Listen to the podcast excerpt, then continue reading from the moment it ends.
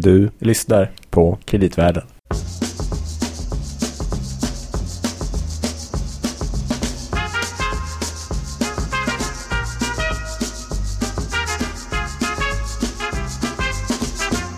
Då var vi alltså här, det är Louis Landeman och Gabriel Bergin. på Danske Bank Markets i Sverige och jag var på väg att säga att nu sätter vi igång så att säga höstsäsongen men det gjorde vi faktiskt redan för ett par veckor sedan. Ja, vi började med lite makroutblick. Mm, det stämmer bra. Vi kommer faktiskt fortsätta lite grann på det temat Mm. idag. Vi ska också presentera vår gäst. Eh, vi kan också säga bara att eh, det har ju varit en del, eh, en, en briserande skandal senaste tiden. Ja, eller nästan flera, men du tänker Ja. speciellt på en kanske? tänker speciellt på en. Ja, som också har viss bäring på kreditmarknaden. Eh, Mm. Det är ett bolag som också är aktivt på kreditmarknaden, inte bara i Europa, också i... jag. Jag gissar på Ja, Volkswagen. det stämmer. Eh, Men jag tänker att vi kanske kan komma tillbaka till det lite grann i nästa avsnitt, för då ska vi ju faktiskt prata lite grann om... Företagskultur bland annat. Mm, och, Känns ju faktiskt mer aktuellt än någonsin. Så att vi, vi sparar helt enkelt på den pucken. Eh, men och med det så, så Louis, vill du presentera kanske? Ja, jag har glädjen att idag presentera en väldigt prominent gäst i kreditvärlden. Um, en professor i både statsvetenskap och retorik. Um, om det, du är inte den äldsta professorn i statskunskap. Man kan säga att du innehåller den, innehar den äldsta professuren i statsvetenskap. Mm, Är det korrekt? det stämmer. Ja, Li Bennik Björkman, ja. Välkommen. välkommen tack. Mm. i Uppsala universitet. Då. Mm. Kan du berätta lite mer om Vad heter professuren och särskilt? Eh, Den heter eh, den skyttianska professuren i vältalighet och statskunskap. vältalighet? Mm. Fantastiskt. Det är väldigt trevligt att ha en vältalig person här. Skillnad från Ja. oss. Ja. Till skillnad från er? Ja, okej. Eh, ja, vad vill du att jag ska berätta? Vad, vad Mm. gör man eller vilka, vilka områden kan man säga att du har? In, är det något speciellt område inom statsvetenskapen som det är? Ja, på. jag har intresserat mig mycket för eh, Östeuropa. Mm. Så att jag är faktiskt också forskningsledare på ett eh, institut som vi har för eh, eh, Rysslandsstudier och eh, ja, tidigare Sovjetunionen kan man säga. Mm. Så det gäller demokratis, demokrati eller demokratisering, stadsbyggnad, eh, alltså stats, eh, ja, hur man bygger stater och institutioner. Just det. Mm. Hur omformar samhällen från ett Mm. ty, typ av system till ett helt Ja, annat? ja Mm. precis. Det där låter ju som ett område som vi tycker är väldigt intressant. Mm, jag har förstått det. För att, eh, för att koppla in dig på det hela så har vi många gånger diskuterat bland annat Grekland och har, när vi ekonomer pratar om det så brukar det ofta sluta någonstans med att ja, men vi, det behövs mer strukturreformer och man behöver förändra institutionerna. Mm. Och sen vet vi inte så mycket mer så då Mm. brukar diskussionen sluta där. Ja. Ja. Men då tänkte vi att idag att vi skulle kunna prata lite mer om de här frågorna Mm. och fundera på kan man förändra institutioner och i så fall hur? Mm. Finns exempel på det? Mm. Fantastiskt. Men vi kanske ska börja med Ja, ett specifikt exempel. Precis, och apropå ett tema som vi faktiskt tog upp i när vi hade avsnittet om utsikterna för kreditmarknaden i år. Just det. Då pratade vi om geopolitiska ri- risker och vi hade lite Ryssland på tapeten. Ja.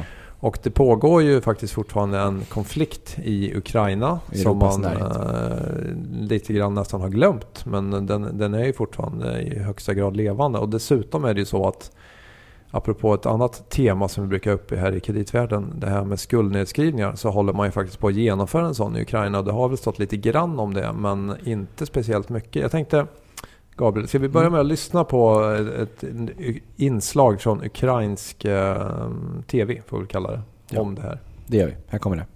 Ukraine's parliament votes today on a crucial $18 billion debt restructuring plan.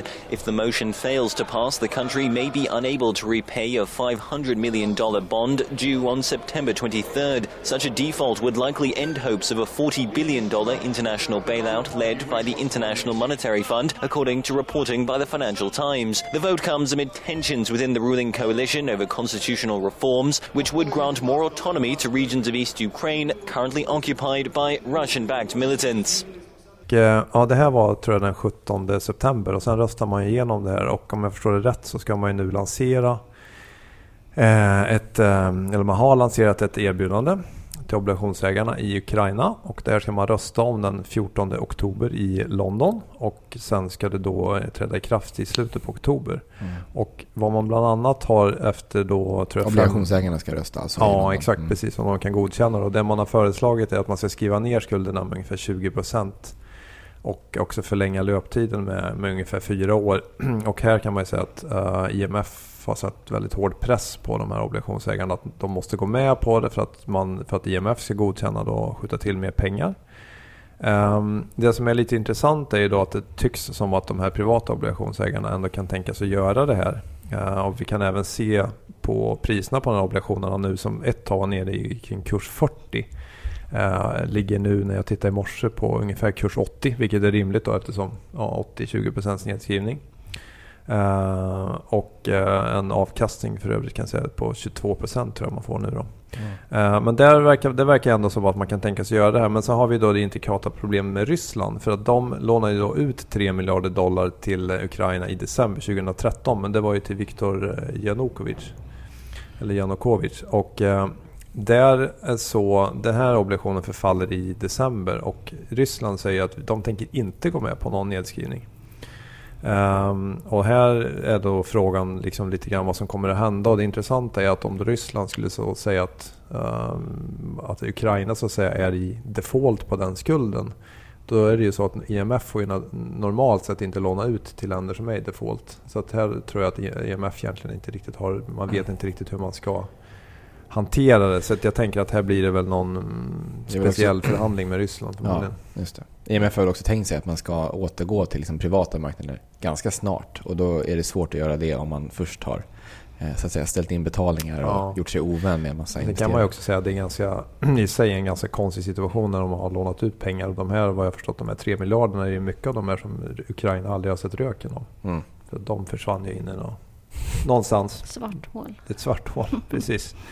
Så, så det här är en intressant situation. Vi förstår att du är ju mycket i Ukraina, Li. Mm, det är jag. Eller jag har varit det sedan 2005.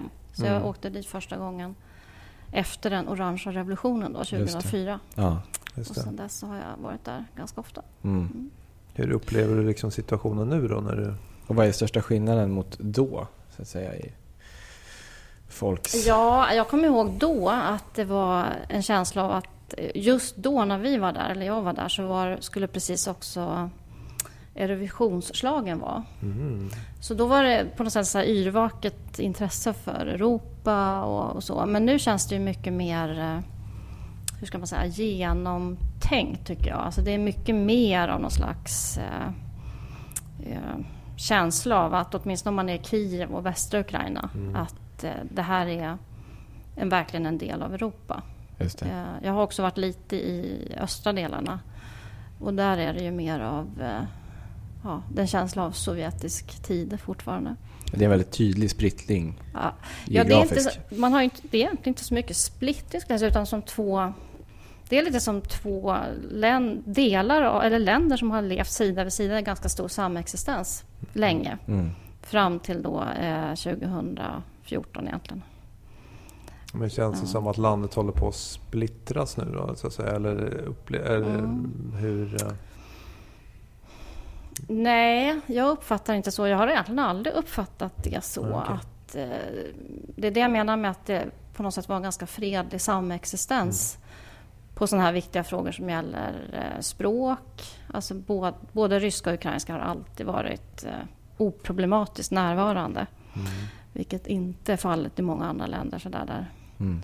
det här lätt kan bli inflammerat. Mm. Eh, sen är det ju svårt att säga nu därför att eh, det är klart att en del i västra Ukraina är mer eh, eh, militanta nu efter det som har hänt i östra Ukraina mm. än vad som var fallet tidigare. Mm. Eh, och exakt hur det ska bedömas tycker jag är svårt att säga. Jag tror inte att, det är, att de har så särskilt stort stöd av befolkningen. Men det finns ju en del sådana grupper. Mm. Som... Men man lever ju i princip under en annan eh, auktoritet än den som är från Kiev om man lever just nu som medborgare i östra Ukraina, eller kan man mm. säga så? Ja, det är ju fortfarande en krigszon. Ja, ja det är det ju. Mm. Och det är ju helt sönderbombat och sönderskjutet och folk är på, liksom, sån här, på flykt. Mm. Så, så, en hel del personer från östra Ukraina, Donbass, och så, har ju kommit till Kiev och bor hos släktingar. Och, mm. eh, så. Men om man säger sig, mm. de, om västra Ukraina så att säga på ett sob, eller inte sobert, men på ett moget sätt närmar sig Europa på olika utsträckning och vad gäller institutioner och sådär. Mm, mm. Ser folket i östra Ukraina på det? Känner man att de är på väg att lämna dem, så att säga, de i västra Ukraina är på väg att lämna dem eller? Ja, alltså om man ska se, väl, säga något väldigt kort om den konflikten som utbröt 2014. Mm. Så är det ju, finns det ju studier som visar, opinionsstudier i Ukraina som har gjorts, att det är väldigt få i östra Ukraina som då stödde någon slags separation. Och inte heller ville de bli en del av Ryssland. Men däremot ville man ha försäkringar från Kiev att man skulle få ekonomiska förutsättningar att eh, fortsätta, ja, liksom, ekonomiska förutsättningar för sin fortsatta existens kan man säga. Mm. För här har det varit mycket, liksom, det är stor gruvindustri, mm, man har, ja, så det var mycket en ekonomisk oro. Hur ska det här bli? Mm. Ehm, och då var väl Kiev ganska långsam i att reagera på det. Vilket ledde till mer och mer oro och då fick en del av de här separatisterna liksom, eh, vad säger man, luft under vingarna. Mm. Ehm, men egentligen var det ju inte grundat i någon sån stark vilja att man skulle liksom lämna eller, eller något sånt.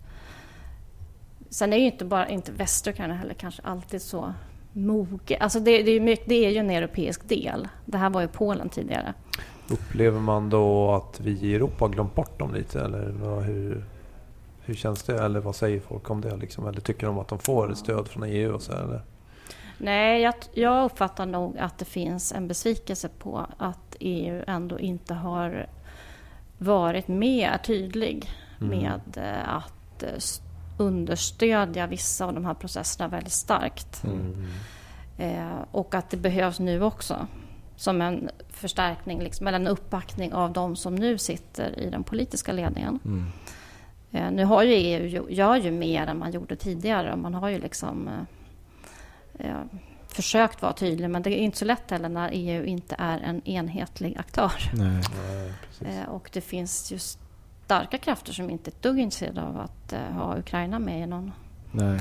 Någon det kanske är svårare och svårare att hitta konsensus i EU kring en sån här fråga just nu. Ja, av olika anledningar. absolut. Ja. ja, det tror jag. Helt klart. Sen, sen noterade jag, sen det är klart att landet måste vara väldigt hårt drabbat av eh, kriget och vad som har hänt. För jag såg att industriproduktionen till exempel föll 10% eller mer förra året och 20% tror jag hittills mm. i år. Och att ekonomin mm. har också fallit mm. med någonting, alltså hela BNP med kanske 15 Och det är en anledning till den här skuld eh, skuldnedskrivning, att man inte kan betala skulder i dollar för att valutan har fallit väldigt mycket. Mm. Och sådär. Mm.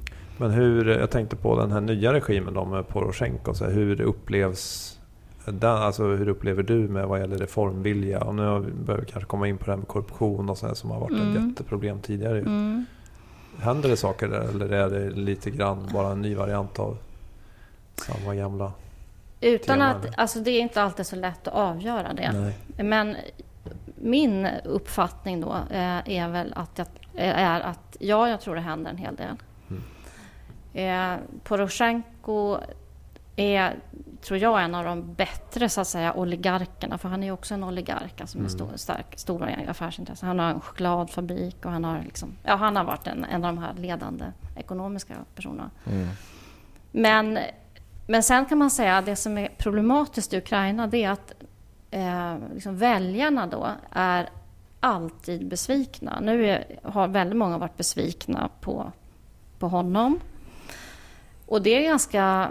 Det här leder till att man gärna byter ut mm. de politiska ledarna då. Eh, så det blir ganska lite kontinuitet. Och den här besvikelsen kanske inte grundar sig i så där oerhört rationella bedömningar utan det finns liksom en sån politisk kultur nästan av besvikelse. Mm. mm. Så det tror, jag, är, det tror jag är ett ganska stort problem. Mm. Att, det är svårt att överträffa förväntningarna om man är Poroshenko. Ja, ja. ja det är det. Och, eh, för nu när jag var där sist då pratade ju alla om hur, ja, hur, han hade, hur mycket som hade liksom inte gjorts. Och, mm.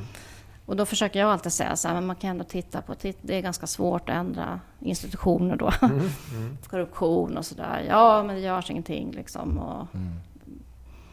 Och, så, och då kan man säga att det, det, blir liksom en ond cirkel för man... Eh, för att ibland måste det ju vara en ganska långsiktig strategi som får ta tid då. Ja, Eh, så att, ja. Och det är väl i och för sig kanske alltid problemet om man ska ändra institutioner. Just att det tar lång tid antar jag. Men att eh, politiskt mandat är kanske ofta ganska kort. Ja, det är därför det är så himla intressant när de få tillfällen när vissa politiska ledare bestämmer sig för att göra en så här Big Bang, eh, mm. liksom radikal förändring. För det, är ju, kan ju vara själv, politisk självmord. Så mm. att, Ja, det är en högriskstrategi. Det är en högriskstrategi, ja. absolut. Finns det några exempel på lyckade sådana?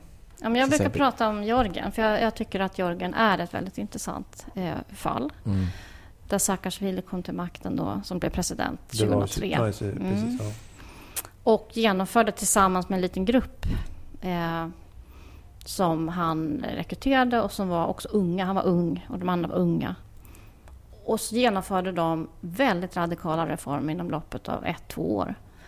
De sparkade hela polisstyrkan på jag vet inte hur många, 15 20 000. Mm. Eh, polisen var extremt korrupt. Mm. Det är ofta så i korrupta länder. Polisen är värst. Ja. Liksom. Eh, men de gjorde jättestora reformer och också ekonomisk liberalisering snabbt. Eh, sen, och det här har fått effekt. Liksom, Jörgen sjönk... De finns ju sådana skala med Transparency International. Ja, just det, just det. Jörgen var ju bland de mest korrupta, låg på 150 plats eller något sånt. Och, och, nu ligger de väl kanske på 50 mm. Vilket mm. det har hänt väldigt mycket. Det har hänt väldigt mycket. Sen blev Saakashvili kanske väl paranoid och började få... Man får ju alltid folk emot sig också. Ja. Så det kanske inte bara var paranoia. Han kanske satt lite för länge vid, vid makten då? Mm. Men han, han gick ju då, avgick ju faktiskt frivilligt när han förlorade valet 2013. Okay. 13. Wow, mm. tänkte jag säga. Mm. Jag tänkte, ja, det kan man säga. Wow, för att ja, eh, det är väldigt ovanligt också. Ja. Att, ja. Vi våra 200-åriga mm. liberala demokratier kan ju ja. skratta åt det, men det mm. kanske är svårt igen. Ja, det är svårt för att det oftast är förknippat med extremt mycket vinster att sitta vid den politiska makten. Liksom. Mm.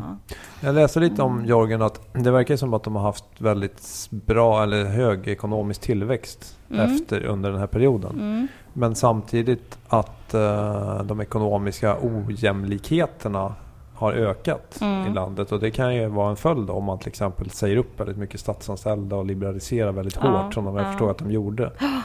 Ja. Så det verkar ju som att till viss del har det fungerat men det har också mm. kanske kostat en hel del.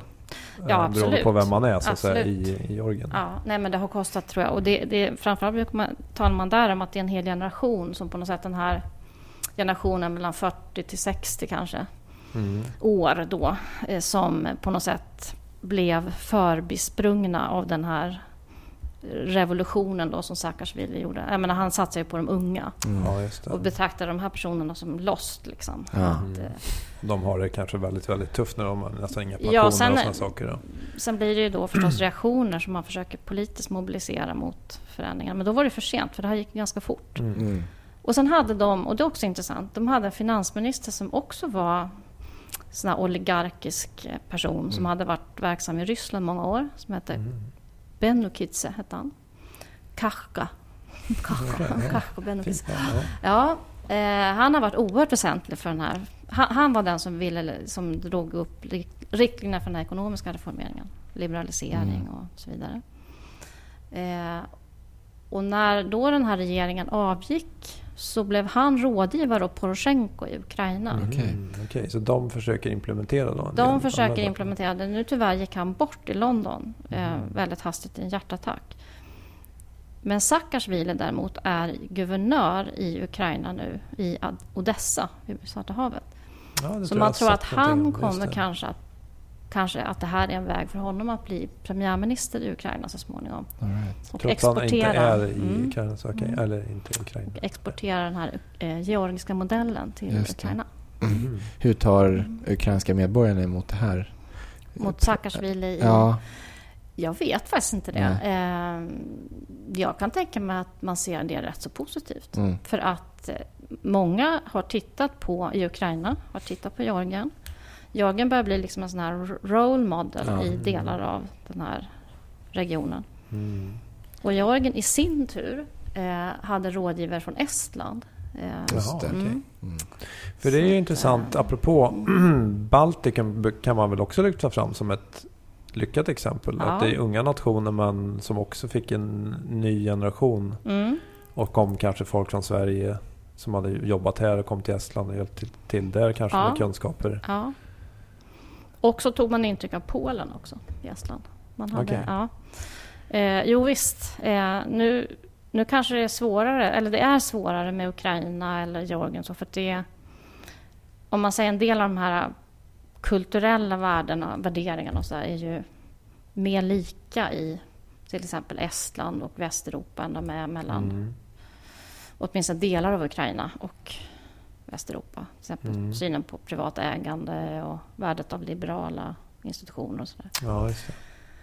Men visst, och det här att och man och var... kanske hade man en historik i Baltikum att falla tillbaka på som inte hade så att säga, varit borta ett tag men det fanns kanske en Mm. gammal struktur som man Mm. kunde lite grann återgå till. Stark individualism också. Mm. Och pragmatism faktiskt.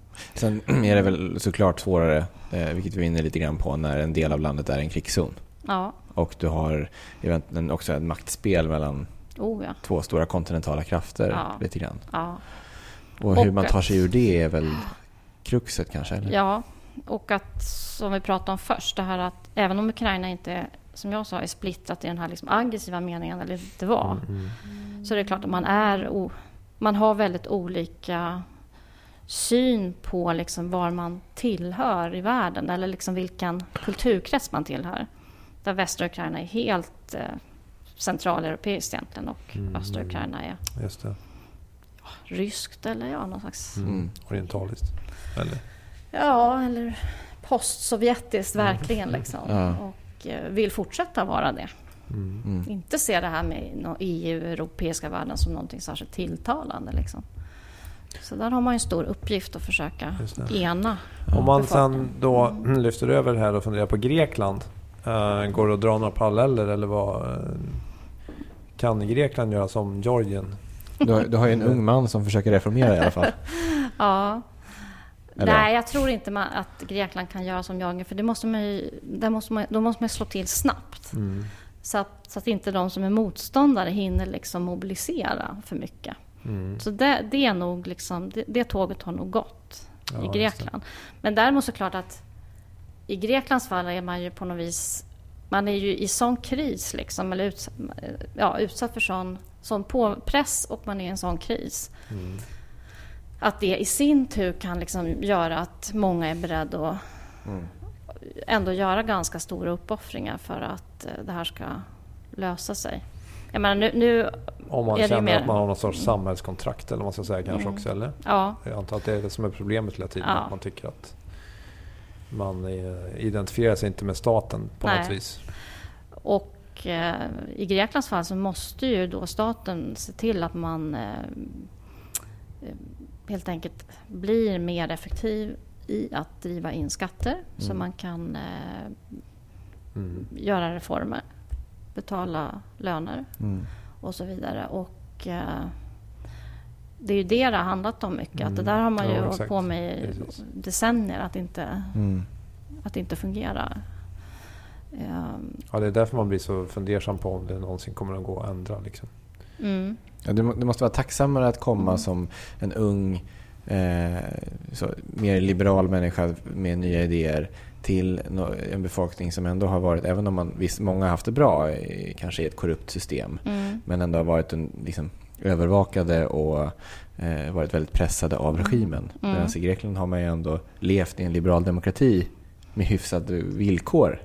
Det är bara det att man kanske inte riktigt har haft, som du säger, skrivit under på exakt samma samhällskontrakt. Och det måste vara mycket svårare, tänker jag, att erbjuda någonting till en sån befolkning. Ja, och sen kan man nog säga så här att Grekland eh, är ju väldigt så här klientelistiskt brukar man ju Mm. tala om. Att liksom, partierna är inte, går inte till val egentligen på idéer om, liksom, som man gör i Sverige då, eller program. Utan det är mycket det här att man är...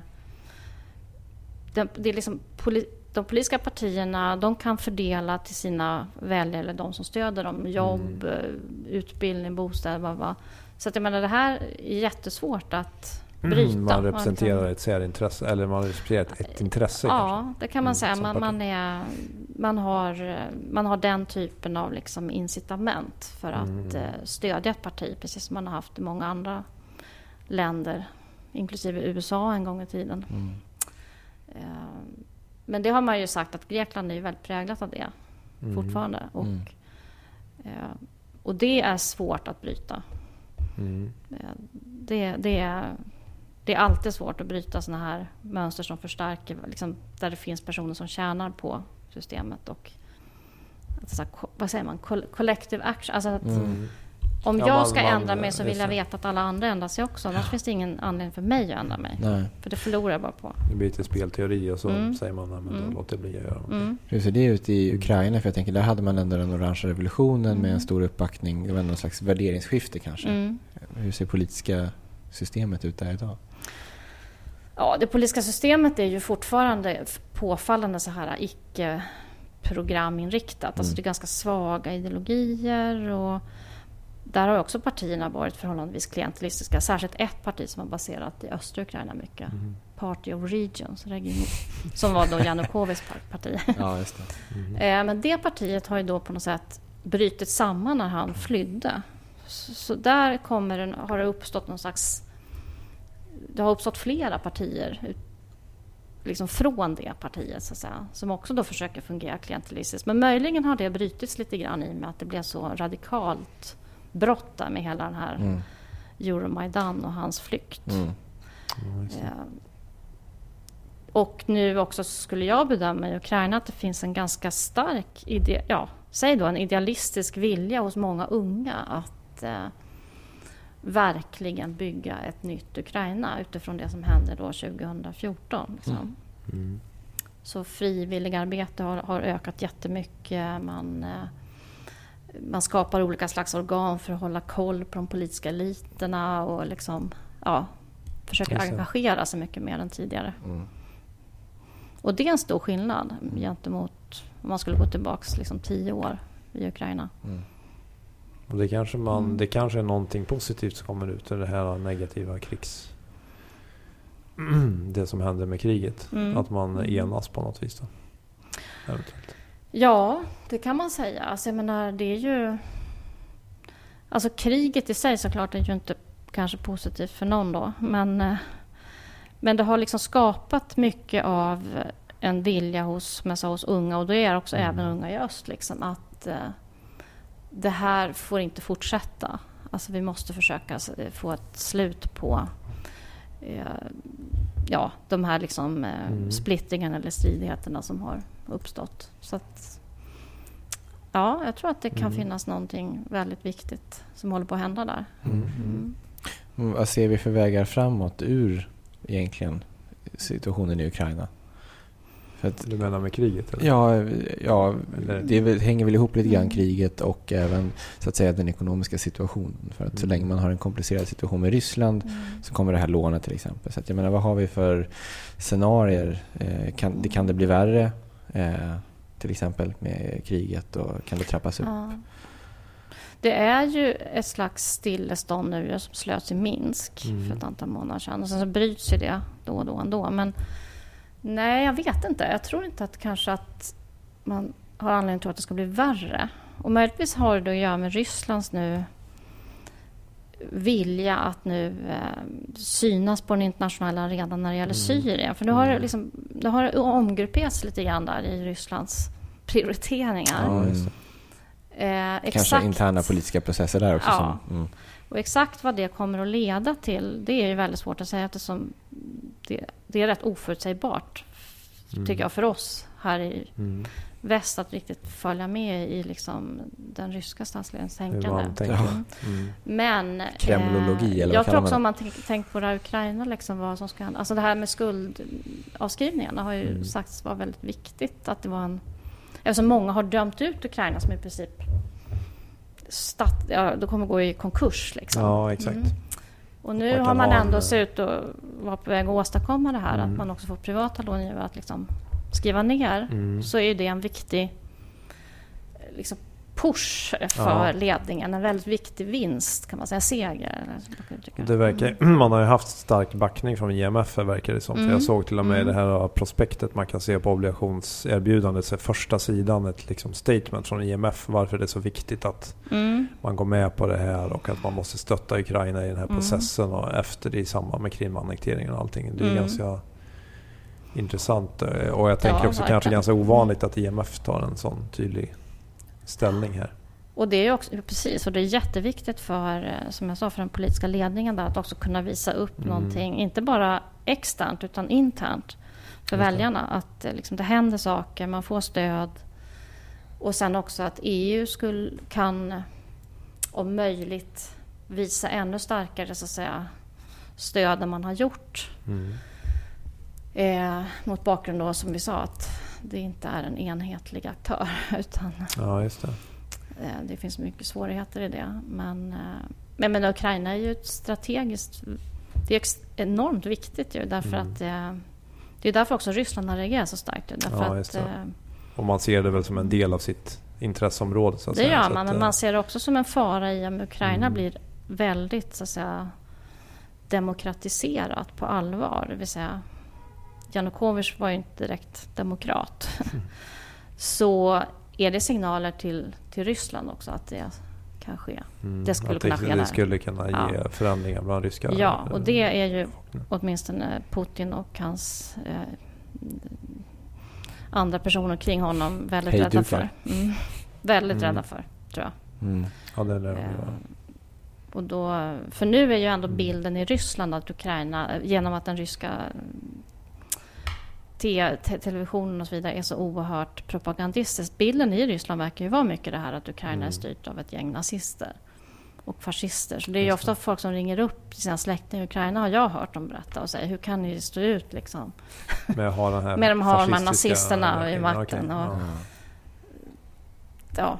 Mm. Så, så, att den bilden finns ju nu men den kan ju såklart ganska snabbt förändras om det blir så att Ukraina får mycket mer liksom blir mycket mer inkapslad i den här europeiska gemenskapen. Spännande Gabriel. Ja, verkligen. Men kan, kan man kanske lite mer positiv om Ukraina? Mm. Det låter ju ändå... Ja, jag vill gärna, Trots alla, jag vill, ja, jag vill gärna se det så. Ja. Förhoppningsvis ja, med lite stöd från oss Ukraina härifrån. Ukraina förtjänar en, en bättre framtid än man har haft. Man tillskriver den också. Men fortsatt eh, kanske oro kring Grekland? Ja. Jag konstaterar. det var inget nytt där.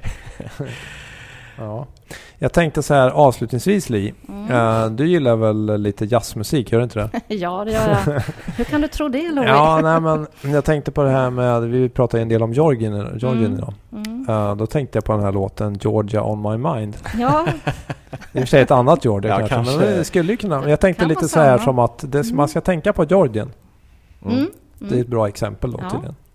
Mycket så vi bra. kan väl eh, runda av med en liten Så vi fortsätter trudelutt. tänka på Jörgen. Mm. Tack så jättemycket Liv för att du mm, kom. Ja, suveränt. Tack. Mm. Och på återhörande någon ja. annan gång kanske. Ja, det säger vi. Ja. Och alla lyssnare, vi finns ju som ni vet på Twitter om ni har några kommentarer eller frågor angående det här eller andra avsnitt. Eh, och så hörs vi igen om ett par veckor. Det gör vi. Mm. Då kommer det ett nytt spännande tema. Verkligen. Lite kopplat till detta kanske på vissa vis. Ja. Mm. Hej. Hej hej. Hej. Georgia, Georgia, the whole day through, the whole day just an old sweet song keeps Georgia on my mind. Georgia on my mind. I said, Georgia. Georgia.